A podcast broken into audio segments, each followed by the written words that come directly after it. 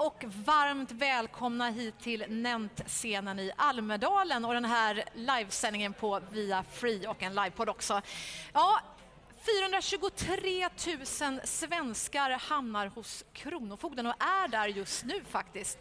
Och ännu fler, närmare en halv miljon, har en betalningsanmärkning. Ja, det är ju inte så konstigt då att så många svenskar hamnar i Lyxfällan.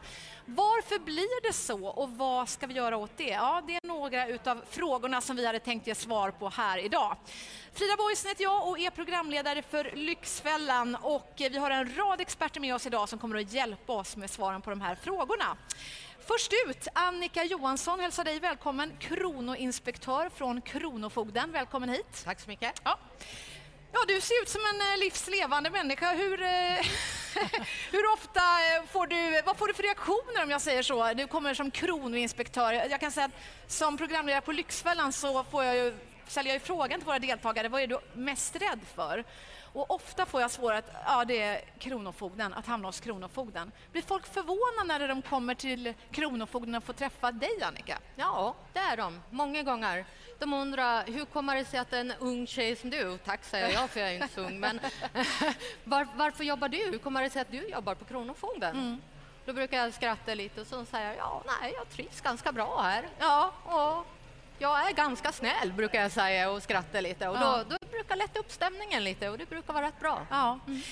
Det, det, kan ju förstås kännas fruktansvärt jobbigt, pinsamt och vara, och vara riktigt, riktigt krångligt och allvarligt att hamna hos Kronofogden. Man riskerar ju ofta hus och hem och allt möjligt. Jag, är ju med om människor som inte kan ha mat på bordet, man kanske har en familj, man är rädd att bli vräkt. Ja. Och det är ju då Kronofogden eh, hägrar så att säga. Vad, vad är det värsta du har varit med om, Annika? Ja, äh, värsta och värsta, det är rätt många jobbiga situationer många gånger. Det är ju just vräkning, speciellt om det finns barn i, i huset eller i lägenheten och att föräldrarna kanske har äh, försökt att trycka undan det här och inte ordna barnvakt åt sina barn när vi kommer, utan de finns på plats när vi verkligen står där och ska byta lås. Det är inte roligt.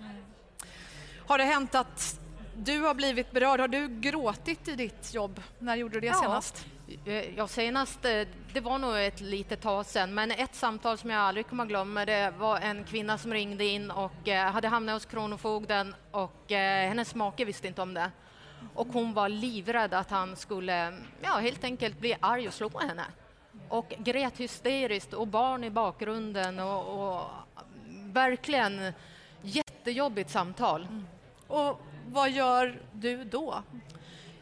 Ja, man försöker ju att få en lugnande situation, försöka lugna den här personen och, och uh, tänker som så att du måste vara ärlig, det här kommer ju fram förr eller senare och är du verkligen rädd för att någonting ska hända så måste du ta kontakt med kanske sociala myndigheter eller sådana här saker. Mm.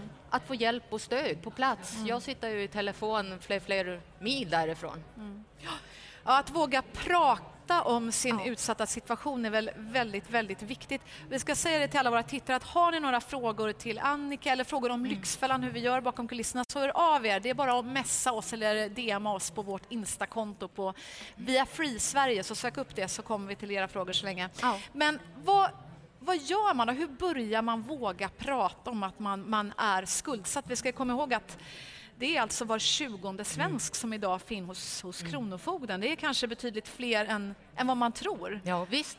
Eh, många tycker så att de som hamnar hos Kronofogden det är bara de här slarvpellarna som inte har koll på sin ekonomi. Men mm. så är det ju verkligen inte. Utan någonting har ju förmodligen hänt i livet. Man kanske har missat sitt jobb. Man har blivit allvarligt sjuk och måste vara sjukskriven. Någonting har hänt som har gjort att man inte har den inkomsten som man vanligtvis har. Mm. Och att våga erkänna det att nej, men jag har inte pengar. Jag kan inte ha den här mm. levnadsstandarden som jag varit van med de senaste fem, tio åren kanske. Mm. Och eh, vad, vad, ser du för utveckling här? Vad, vad, är den största boven till att man tappar kontrollen över sin privatekonomi och ja, så småningom hamnar hos Kronofogden? Är det, är det någonting som sticker ut, tycker du? Ser du någon trend? Är det någonting nytt som har hänt? Ja, nytt och nytt, jag vet inte riktigt. Det, för många handlar det ju mycket om konsumtion, att man vill ha allting som grannen har. Mm. Och man vill inte riktigt erkänna att nej, men jag har faktiskt mindre pengar än vad, vad grannen har. Mm. Och jag kan inte ha den här robotgräsklipparen eller vad det nu än är för någonting. Utan man skaffar den ändå och sen har man helt enkelt inte pengar mm. att lösa situationen. Det börjar med små saker som växer och blir större, för man själv kan inte erkänna att jag har inte ekonomi till det här. Mm.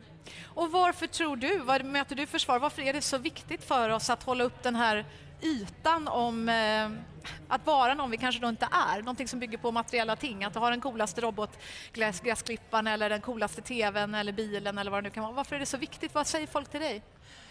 Eh, jag tror inte egentligen att det kanske är eh, människorna runt omkring utan det är de förväntningarna man har på sig själv. Man har sådana starka förväntningar på att prestera, att vara duktig på jobbet, att vara duktig hemma och, och eh, vara höginkomsttagare och man ska vara så bra som möjligt och leva upp till alla förväntningar på sig själv och vad samhället också tycker och tänker. Mm. Då tänker jag så här, ja, jag är förälder och har två barn. Eh, jag vet inte, är du också förälder kanske? Ja, ja. ja Men mm. hur kan vi göra som föräldrar? Jag tänker alla de här förväntningarna, om det är det som är grundproblematiken, att vi alla går omkring och har såna höga förväntningar på oss själva, att vi ska vara höginkomsttagare hela bunten, ha massa coola grejer som vi inte har råd med. Hur kan vi redan från början stötta nästa generation att inte gå i den fällan? Om det är det som är grunden till att vi alla hamnar i Lyxfällan. Inte alla, men var tjugonde då. Ja, visst. Ja, men alltså det är ju det här att våga prata pengar pengar och ekonomi med våra barn. Mm. Jag menar, eh, det är ju lätt för barnen att säga mamma jag vill ha det här legot, det kostar bara tusen kronor. Mm. Ja, men bara tusen kronor, det kanske bara för dig och mig. Men att få det här barnet att förstå, ja men det är kanske åtta veckopengar eller fyra veckopengar. Att man liksom i realitet får säga att det krävs så här mycket uppoffringar för att kunna skaffa den här prylen. Mm.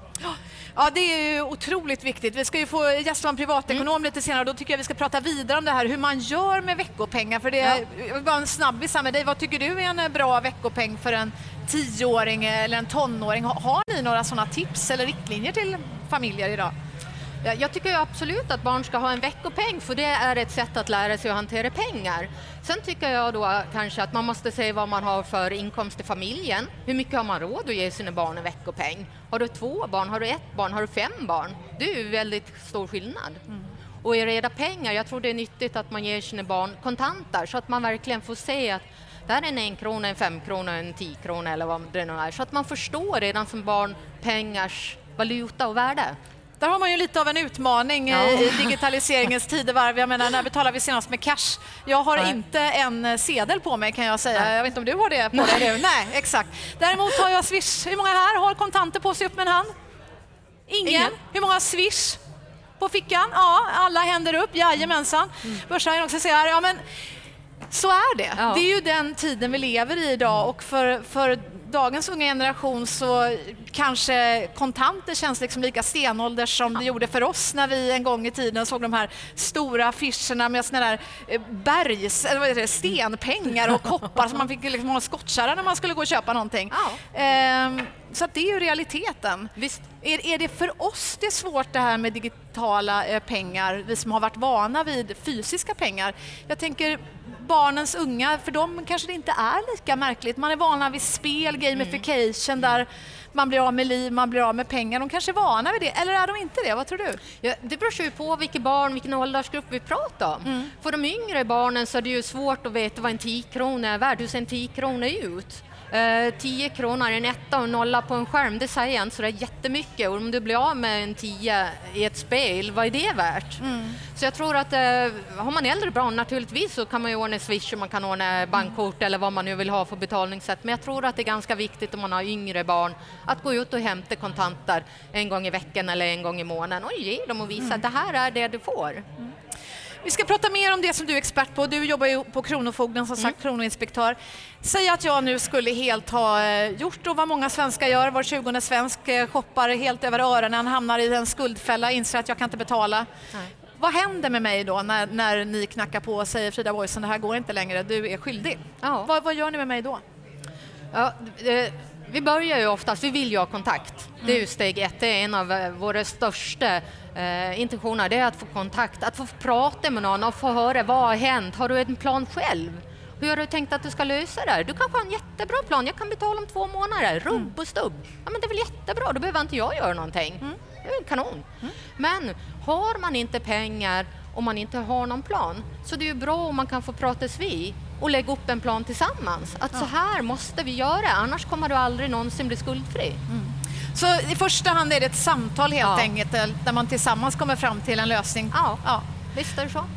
Och eh, säga att det finns ingen vidare lösning. Jag, jag, jag, kommer, jag kanske har blivit av med jobbet också, jag kommer inte ha några inkomster i närmaste framtiden men skuldberget bara växer och växer. Ja. Vad, vad finns det för lösningar då? Ja, eh, har man ingen inkomst och det inte är aktuellt med att utmäta inkomsten, så att säga, pengarna du får från din, eh, ditt arbete eller... Nu, nu måste jag bara inflika en fråga för Ja. alla som inte varit med om det här, tack och lov. vad, vad händer när man blir utmätt när det kommer till ens inkomst? Vad innebär det? Eh, Det första steget är ju att man kikar på vad du har på ditt konto på banken. Ja. Har du pengar där? Ja. Eh, En viss del får du naturligtvis behålla för det är ju meningen att du ska kunna betala hyra och du ska ha mat för dagen och allt det här. Men resten det tar vi hand om. Det tar ni hand om, ja. det kan vi precis. ta hand om. Ja. Mm. Nästa steg är ju i sånt fall att kontakta din arbetsgivare. Ja. Och sen eh, får du en viss del då till hyra och mat och hygienartiklar och allt vad du behöver i ditt dagliga liv. Så du ska klara dina vanliga räkningar. Men resten är ju eh, pengar som vi utmäter, som vi tar hand om för dina skulder. Mm, just det. Det är steg ett. Och det är fortfarande så att ni också utmäter om man har några tillgångar i hemmet? Ja, det är ju nästa steg då att räcka inte ehm, pengarna som vi utmäter på din lön, att de inte liksom täcker upp inom ett år att du blir Mm. skuldfri, så kan vi alltså komma hem till dig och titta på vad har du för grejer hemma. Okej. Och vad är det som ryker oftast då? Ja, har du två bilar och inte behov av två bilar så kanske en bil försvinner. Har du båt? Det är ingenting du kanske måste ha för att ta dig till jobbet om du inte bor på en skärgårdsö någonstans. Så kan den då försvinna. Ehm, konst på väggarna, juveler, guld, Ja, fina möbler, mattor. Ja, Ja. ja, låter rimligt. För Man ska komma ihåg att eh, de här pengarna som ni driver in, de ska ju till eh, ja, företag och andra som faktiskt också behöver få in de Ja, här pengarna för annars precis. så funkar inte deras verksamhet. Nej, Nej. precis. Mm. Så man kommer ihåg att ni inte bara är någon elak stor eh, varg som tar pengarna, liksom, Nej, utan de, nej, nej. de driver ni ju in till någon som Ja, behöver dem. visst. Mm. Hörrni, jag ser att vi har nästa gäst på plats. Eh, Det är Arturo Arkes som är privatekonom på Swedbank och eh, vi ska låta honom komma in här i sändningen. Innan vi går över till, till Arturo ska jag se att vi, vi har fått in lite frågor här från er tittare. Jag välkomnar in Arturo så länge här. Ehm, Ja, ni har ju undrat en hel del saker. Hur går det till när vi gör Lyxfällan? Och det ska jag svara på nu. Första frågan är hur många säsonger av Lyxfällan har gått på TV3? Ja, det kan jag svara på. Vi, just nu håller vi på att spela in nummer 25 i ordningen av säsonger. Så är det. Eh, Lyxfällan hade premiär 2006. Det gör det faktiskt till en av Sveriges mest älskade, största och mest sedda tv-program någonsin. Så det är ju väldigt roligt förstås. Apropå nästa fråga, vad är roligast med att eh, leda eh, Lyxfällan? Då kan jag säga så här att varje tisdag när jag som programledare kommer ut till de som är medverkande, våra deltagare i programmen, då mår jag faktiskt också ganska dåligt, precis som Annika berättade från Kronofogden. Det är händer att jag också blir väldigt ledsen och tagen av de här människornas allvarliga situation. Men på fredagen, när vi allt som oftast har löst den här familjens eller deltagarens ekonomiska situation, då är jag jublande glad. Då är jag så lycklig så att då är det faktiskt, man går från sorgetårar på tisdagen till att jag gråter glädjetårar på fredagen. Så är det faktiskt ofta. Man står där och kramas och ja, det är väldigt, väldigt stora känslor eh, bakom kameran kan jag säga, precis som framför. Ja, eh, hörni, ja, en fråga till kan jag säga. En väldigt vanlig fråga. Hur får vi pengarna att sitta fast på budgettavlan? Jag ska fråga mina gäster här. Arturo Arkes, privatekonom på. Swedbank och, och Annika från Kronofogden. Har ni någon gissning hur vi får pengarna att sitta fast på budgettavlan? Ja, det är de här kardborre-tejpen. Kardborre hör vi här från. Arturo. Vad säger Annika? Magneter kanske, vad Det jag? är faktiskt magneter, det är det som gäller. Ja, Arturo, eh, du är ju eh, privatekonom, du är expert på privatekonomi. Och jag vet att du brinner för det. Kan du, kan du berätta kort, varför är det så viktigt för dig att hjälpa eh, svenska folket att bli bättre på sin ekonomi? Därför att det är grundläggande. Alla har vi en plånbok eh, och vi behöver eh, använda våra pengar klokt. Eh, och pengar är en begränsad resurs och det gäller att använda de här pengarna smart. Ingen föds till en ekonom utan det är någonting som man får lära sig under livet. Och ju tidigare du börjar lära dig det här, desto bättre och större chans att du får leva det liv du vill och inte det liv du måste. Hur var det för dig? När du var liten, var tänker jag, vad, vad, vad, växte du upp i? Jag växte upp med en ensamstående mamma med tre barn, så jag vet precis hur det är när varenda krona räknas. Och jag vet också värdet av grundläggande kunskaper i privatekonomi. Jag har själv också växt upp faktiskt med en ensamstående mamma och, som nog egentligen var eh, ja, att hon skulle kunna fått eh, socialbidrag men hon ville, hon ville inte, hon skämdes på något vis eh, ville se till att klara sig själv. Är det, är det vanligt? Så var det ju. Min mamma var ju likadan. Hon var säkert berättigad till att få stöd men tyckte att hon skulle stå på egna ben och klara sig själv. Det var, handlade om stolthet och just det att man är vuxen så vill man kunna bestämma själv och styra själv. För är du beroende av någon annan så medför det också en del problem att eh, du kanske gör andra val än vad du annars skulle ha gjort. Så att, eh, det är bra att kunna stå på egna ben. Det är bra också att kunna naturligtvis leva det liv och styra det livet, ja, styra livet som ja. man vill. Vad är, det, vad är det vanligaste fel vi gör, vi eh, svenskar? Vi, vi hörde här tidigare, alltså nästan en halv miljon som har betalningsanmärkning mm. i Sverige. Det, det, är otroligt många svenskar som har eh, betalningsanmärkning, alltså mer än var tjugonde svensk, vuxen svensk. Mm. Vad, vad, håller vi på med? Jag tror att det handlar, idag är det ju mycket lättare att hamna i överskuldsättning än vad det var förr. Idag eh, matas vi av eh, otroligt professionell marknadsföring. Vi har ju en konsumtionshysteri som vi inte haft tidigare heller och idag så har du ju en massa finansieringsalternativ som inte fanns när till exempel jag växte upp med snabblån och när du går på nätet och handlar så är oftast huvudalternativet att handla på kredit. Så det är lätt att hamna i eh, till exempel skuldsättning på olika sätt än vad det var när jag växte upp. Det är ena problemet. Eh, det andra är också att många har ingen koll. Eh, man vet vad man har i inkomst till exempel, man vet hyggligt vad boendekostnaden är. Men det här eh, spontanhandlandet, alltså konsumtionen utöver boende och mat, det har många dålig koll på. Och det är därför vi privatekonomer tjatar om, gör en budget så att du får koll. För genom att ha koll kan du påverka.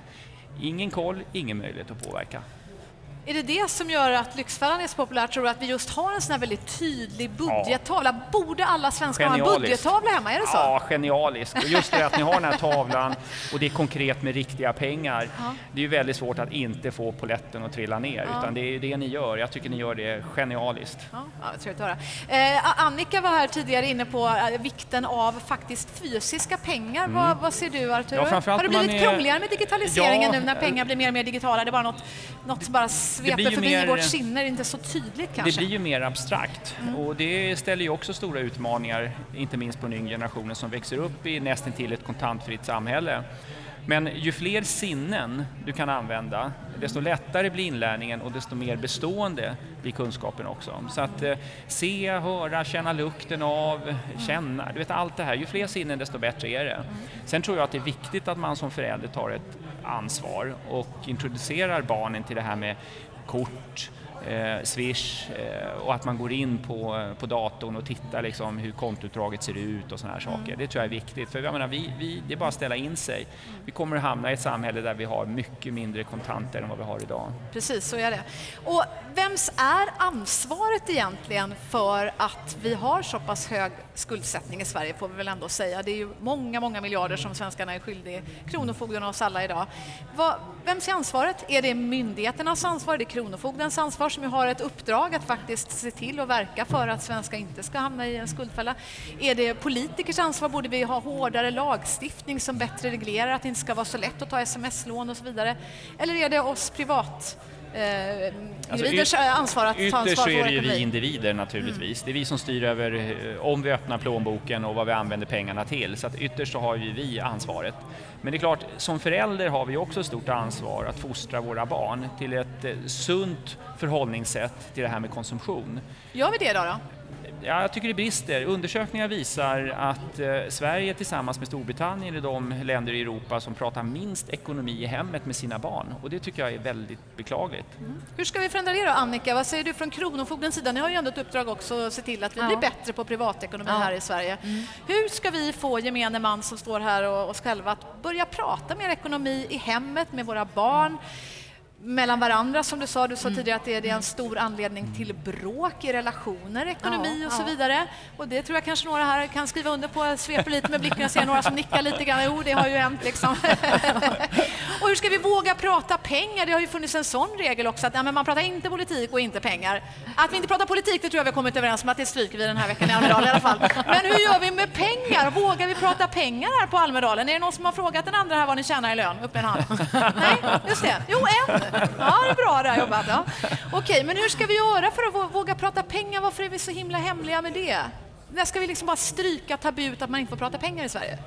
Ja, jag vet faktiskt inte riktigt, för att det ligger ju ganska djupt rotet i oss allihopa. Vi pratar inte pengar. Det, jag tror det är mycket svenskt att vi inte gör det, men nästa generation kanske inte blir riktigt lika... Är, är, är det jantekoftan? Är det det ja, det handlar om, att man inte får skryta om? Är det ja, det jag tror det handlar lite om det. Ja, men jag tror det handlar om det. Vissa vill inte, om, som har högre lön då vill inte gärna visa det, för då kan det uppfattas eh, fel. Och samtidigt så finns det många som inte heller vill tala om att man tjänar lite, för då skäms man över det och såna här saker. Så tyvärr är vi lite så i Sverige och det tycker jag är olyckligt, därför att Barnen behöver höra att eh, pappa och mamma har inte råd. Exakt. Det är ingenting konstigt med det, utan det behöver man få höra med jämna mellanrum att nej tyvärr, jag är ledsen men det finns inte pengar för det. Mm. Eller att vi måste prioritera och det är bättre att vi lägger pengar på någonting annat.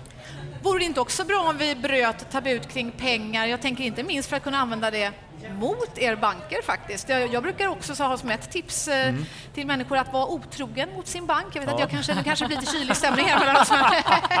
Men jag tänker just att man vågar eh, ja. prata räntor. Det är okej okay att vara otrogen mot alla andra banker. Mm. Ja, okej, okay, okay, men inte mot er, jag förstår.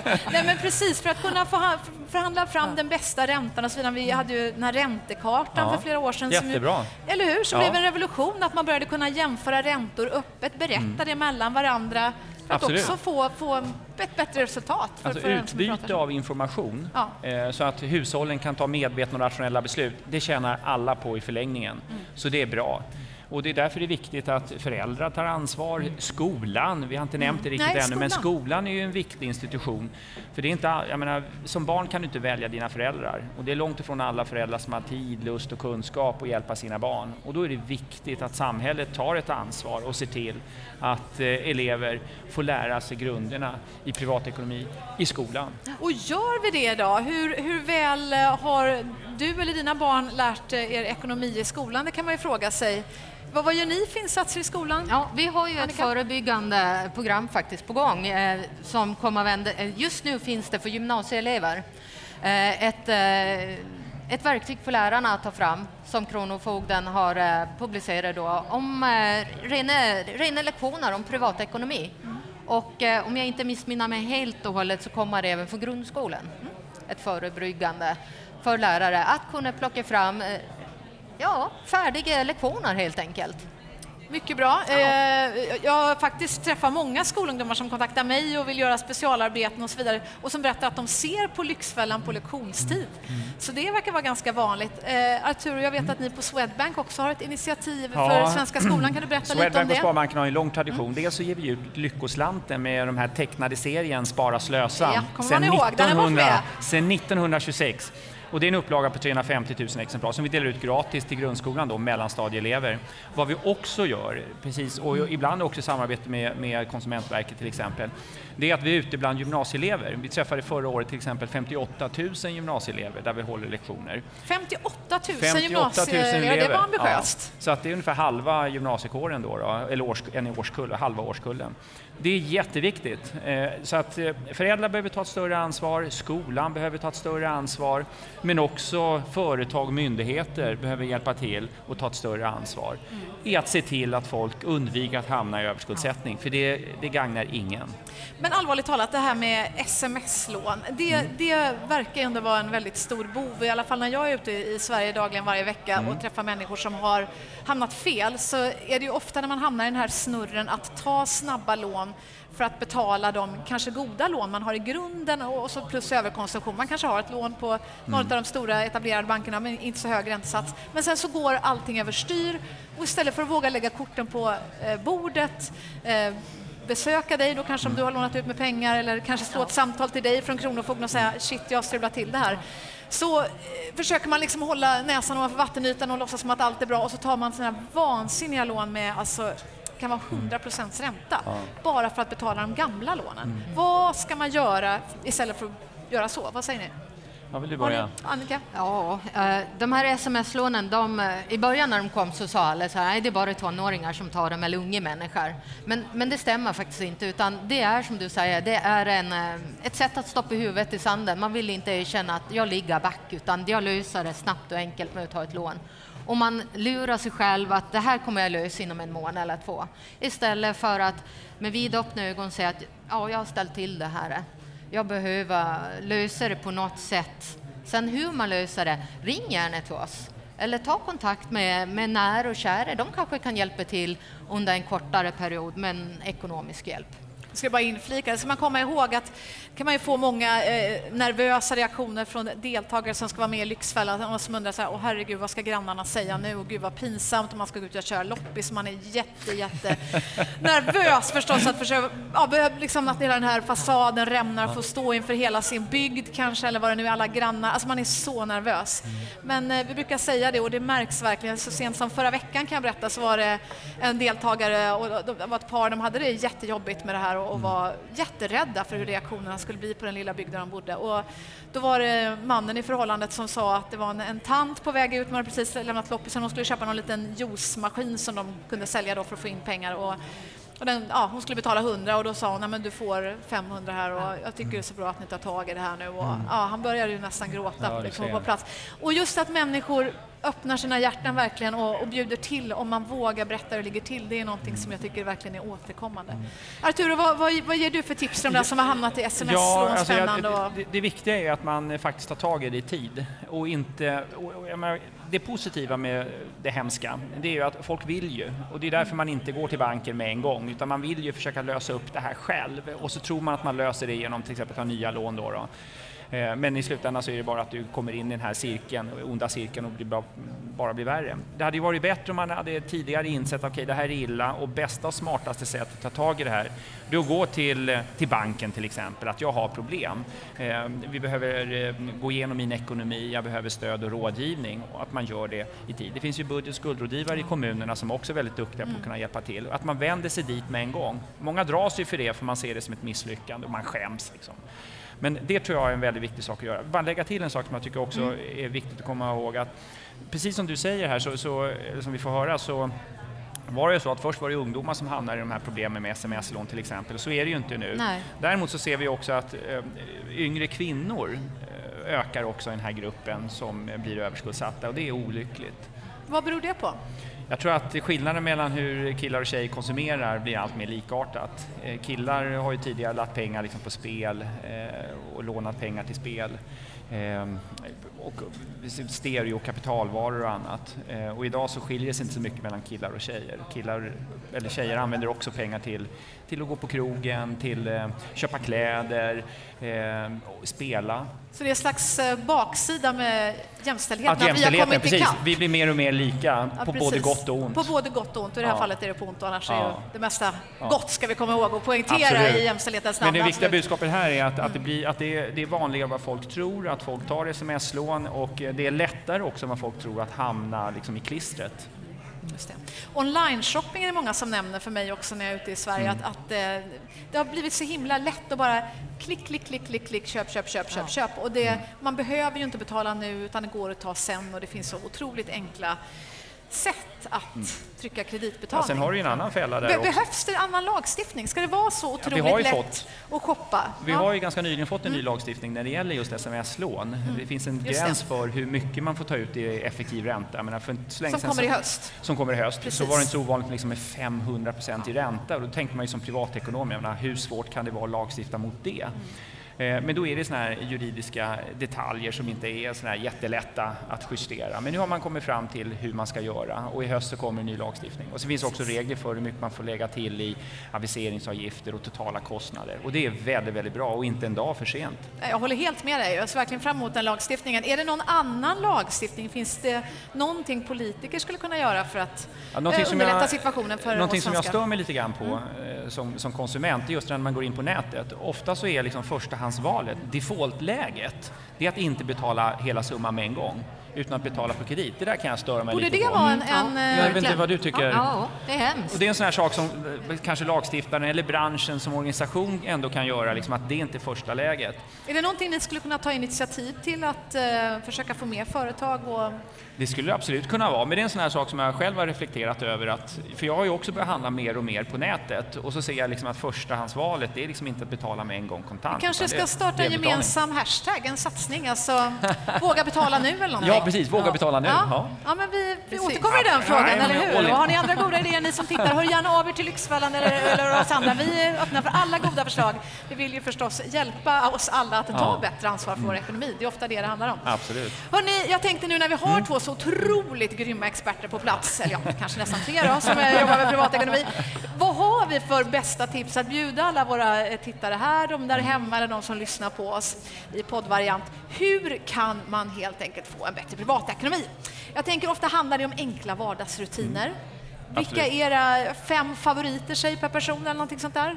Annika, det är ju också olika förstås vilken person man har framför sig. Om vi ska börja för en gångs skull med de äldre kanske, de har vi inte nämnt alls i den här diskussionen. Det är ju faktiskt en av kategorierna som ökar också i, eh, hos Kronofogden. De är allt mer överrepresenterade. De äldre ökar, de yngre ökar. Varför ökar de äldre? Handlar det kanske inte om online-shopping och spel där, eller handlar det bara om tajta marginaler? Annika, vad är din bild? Min bild är nog att det är eh, väldigt tajta marginaler faktiskt. Man har kanske jobbat hela sitt liv och man har inte så hög pension. Eh, många går i pension, sitter i ett boende som kanske är, eh, ja, var bra när man hade en inkomst men som är eh, lite för dyr när man väl har gått i pension. Och det är ju svårt att slita sig från sitt hus och sitt hem och skaffa ett billigare boende. Det tar- kanske jättelång tid innan du får en ny lägenhet eller ett annat boende som är billigare. Att man planerar helt enkelt att nu kommer jag gå i pension, jag kommer ha lägre inkomst, jag måste på något sätt få ner mina kostnader. Okej, så att planera för att man ska bli gammal kan vara en god idé och då även tänka igenom vad då? Kanske sitt Absolut. sparande gissar jag för Ja, att jag bara lägga till en sak, för det är Ja. jätte, jättebra sak du tar upp där. Jag har precis varit på ett annat seminarium som handlar just om våra framtida pensioner och det som är viktigt att komma ihåg det är att eh, det nya pensionssystemet eh, som i sig då är finansierat statsfinansiellt och de pengarna som, eh, som, vi, som man säger att vi ska få kommer vi att få. Problemet är bara att nivån på pensionen är ju mycket lägre än vad folk tror. Många tror att vi kommer få en pension runt 70 procent av slutlönen och så är det inte med dagens pensionssystem utan vi pratar om 50 till 60 procent och då klart, då är det ju lätt att eh, hamna i, i problem därför att pensionen är väldigt, väldigt låg. Och då är det viktigt att tidigt i livet börja fundera, okej, när jag går i pension, hur ska jag göra då? Min pension kommer ligga på kanske 60 procent av slutlönen. Då kan jag inte ha en boendekostnad på 8 000 i månaden, det går inte. Så planera och vara ute i god tid, det är viktigt. Mm, Okej. Och det, det, var, det var det bästa tipset vi hade till eh, de äldre. De äldre. Då. Om vi b- börjar med barnfamiljer istället då. Vad kan man tipsa en barnfamilj om eh, när man märker att det inte alls går ihop? Annika, vill du börja? Eh, går det inte alls ihop, naturligtvis är det bra om man har ett sparande. Alltså, kan du spara 100 kronor, 200 kronor i månaden så kan det ju vara en räddning en annan månad istället för att gå back. Om du har den möjligheten. Sen vet jag ju att det finns familjer där man går plus minus noll nästan varje, varje månad. Och det är otroligt jobbigt att leva så. Men ett tips där, har man möjlighet och eh, viljan så kan man spara otroligt mycket pengar genom att laga mat från grunden, baka sitt eget bröd. Jag menar, du ger 30 spänn för en limpa idag på ICA eller Coop eller vad det nu är du handlar någonstans. 30 kronor, det är två, det är fyra kilo mjöl. Förstå hur mycket mackor du kan få till dina barn på det.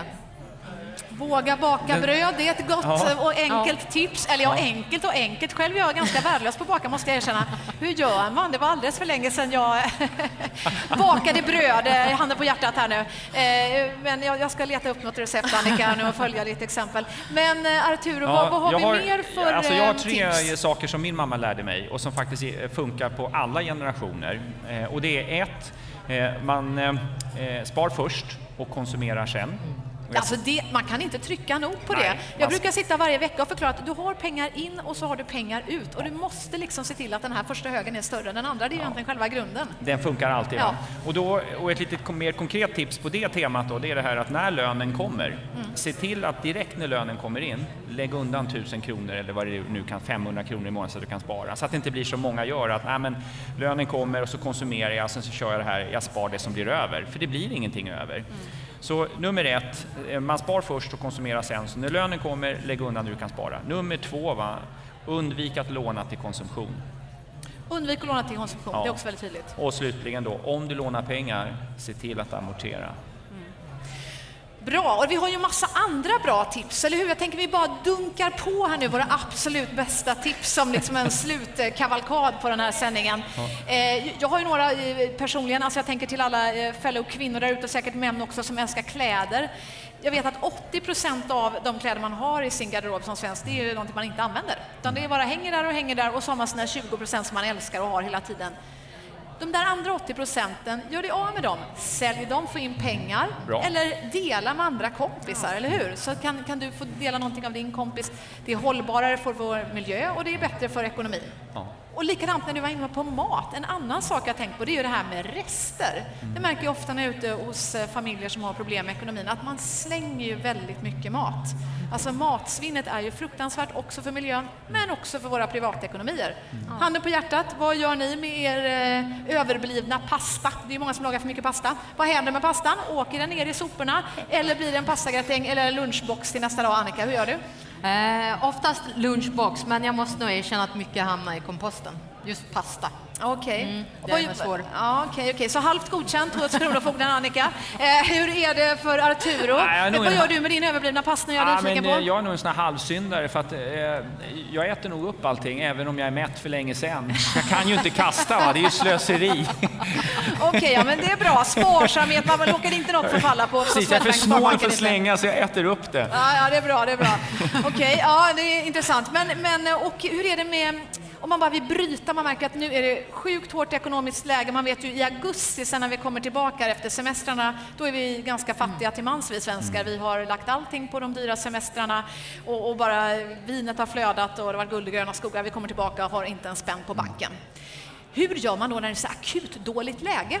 Jag tänker ett sätt är ju bara köpstopp. Bara bestämma sig, idag ska jag inte köpa ett skvatt. Det får bara inte gå något över tröskeln. Inga såna här små vattenflaskor på vägen till jobbet, hur miljövidrigt är inte det? Fyll istället en sån här tom flaska, ta med dig vatten om du behöver det. Köpstopp på alla såna snaskgrejer. Handen på hjärtat, har ni någonsin köpt en sån här chokladbar på vägen till eller från jobbet? Annika, när gjorde du det senast? Det är nog faktiskt ganska länge sedan. Jag vet inte riktigt när. Jag brukar försöka att låta bli de där. Det är inte bra för hälsan Okej, tycker jag. ja, bra där. Arturo då? Erkänn här, hur ligger det till med dina Ja, små spontanköp till och från Jag har nog jobbet? tagit till mitt emellan er. Jag köper dem där, men jag köper liksom storpack. Ja, bra! Så jag undviker det här spontanhandlandet för att jag vet att det är osunt. Men det är klart, i grund och botten så ska man ju inte köpa dem alls kanske. Nej, jag tror inte det. Men... Nej, okej, okej. Ja, men det är ju strålande. Hörni, jag tror att vi får låta det här avsluta vår sändning. Jag vill tacka er mycket för att ni var här. Arturo Arkes, privatekonom på Swedbank och Sparbanken och Annika Jakobsson, kronoinspektör på Kronofogden. tack. Tusen tack för att ni var Tack med själva. oss och bjöd på Tack, goda tack, tips till. Lyxfällan och. Lyxfällans tittare. Tack snälla för att ni var med oss. Glöm inte att kolla på alla avsnitt på Via Free nu i sommar när Lyxfällan eh, har uppehåll så ses vi efter sommaren. Ha det gott!